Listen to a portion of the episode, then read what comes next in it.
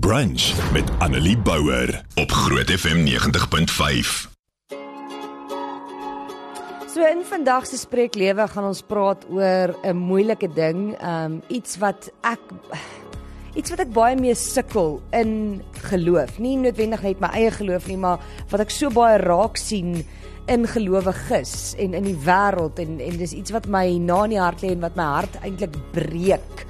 Ehm um, so ons gaan kyk na Johannes 8 vandag en uh, vanaf vers 3 en dit is nou die gedeelte waar die fariseërs so Jesus is by die tempel en hy is uh, besig om die mense te leer. En dan kom die skrifgeleerdes en die fariseërs en hulle bring 'n vrou na hom toe wat met oorspel betrap is.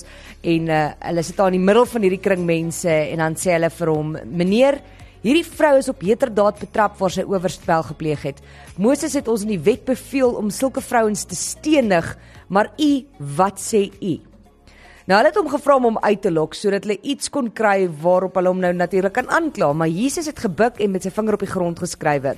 Vers 7 sê toe hulle aanhou om hom te vra, het hy regop gekom en vir hulle gesê: "Laat die een van julle wat 'n skoon gewete het, eerste 'n klip op haar gooi.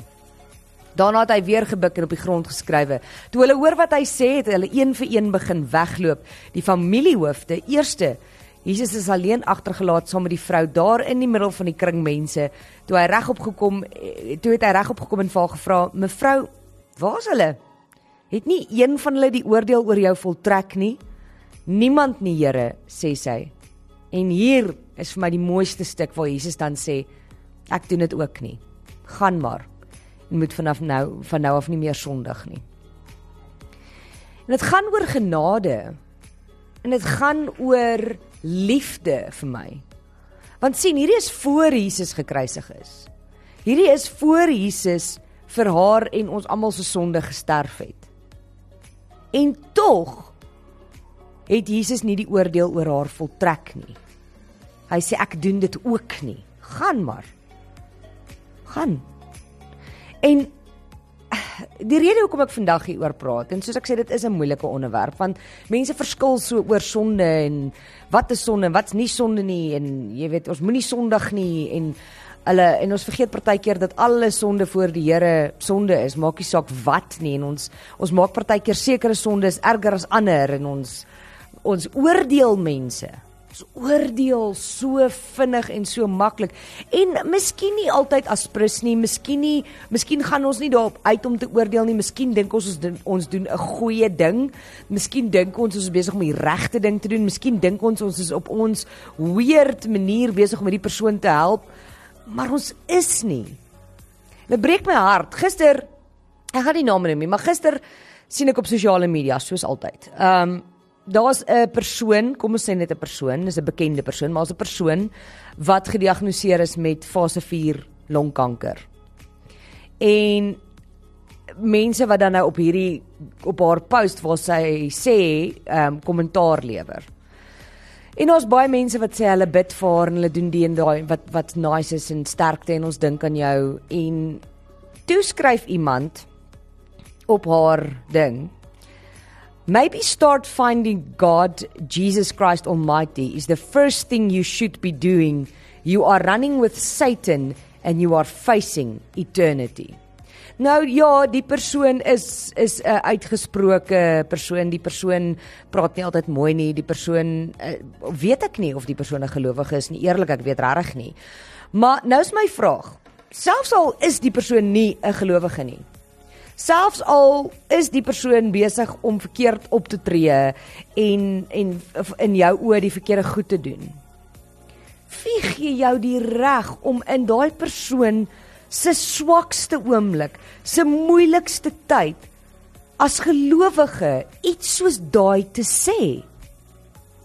En wat my hart toe nou verder breek is presies hoekom ek nie van sulke kommentare hou nie.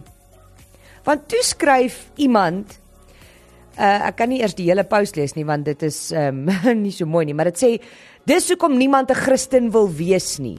Jesus was blykbaar net liefde en julle preek al ewig net oordeel, dreig met wat na hierdie lewe gebeur. Wat van wees eerder 'n beter mens vir ander mense soos Jesus was in plaas daarvan om ander te oordeel en af te kraak. en die persoon is ook nie 'n gelowige nie. En dit breek toe in my hart want want ek dink die persoon is dalk reg. Is ons as gelowiges, is ons as Christene besig om mense verder en verder van God af te dryf? Is ons besig om met die manier wat ons oordeel, met die manier wat ons optree, nie Jesus se liefde en lig en genade met die wêreld te deel nie?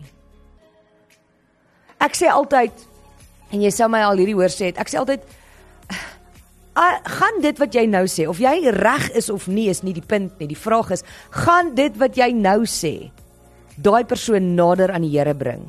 En as die antwoord nie 'n volstrekte ja is nie, hoekom wil jy dit sê?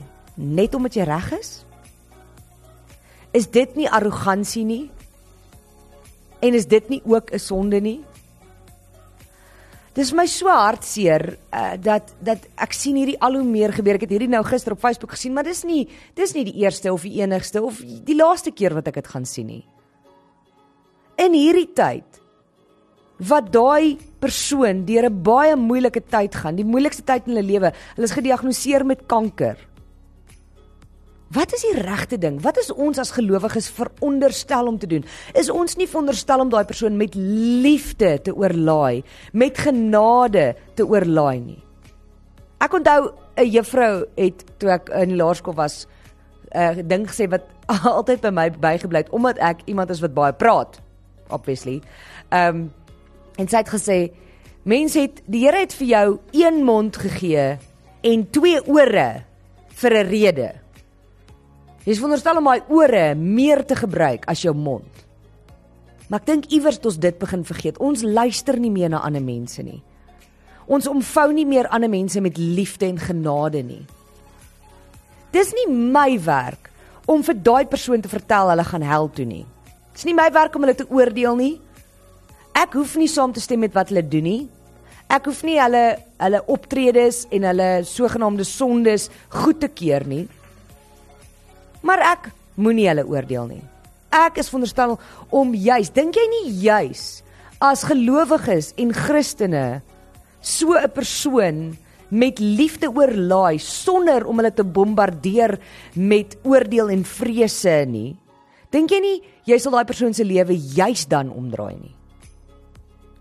Want dan sien hulle Jesus in jou. Dan sien hulle hierdie vers 11 van Johannes en vers 10 en 11 waar waar Jesus sê, "Waar is hulle nou?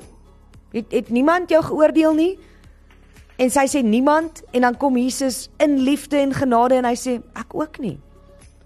En hy is die een wat haar mag oordeel. Hy is die een wat die eerste klip mag gegooi het want hy was sonder sonde. En tog sê hy, "Nee. Ek doen dit ook nie. Gaan en moenie nou meer sonde doen nie." En moenie my verkeerd verstaan nie. Moenie dink ek praat sonde goed nie. Moenie dink ek stem saam met wat mense doen noodwendig nie. Dis glad nie wat ek sê nie.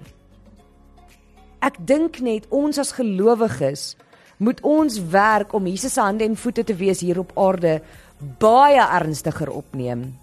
Baie meer in gebed met God spandeer oor wat hy regtig van ons verwag. En baie minder oordeel.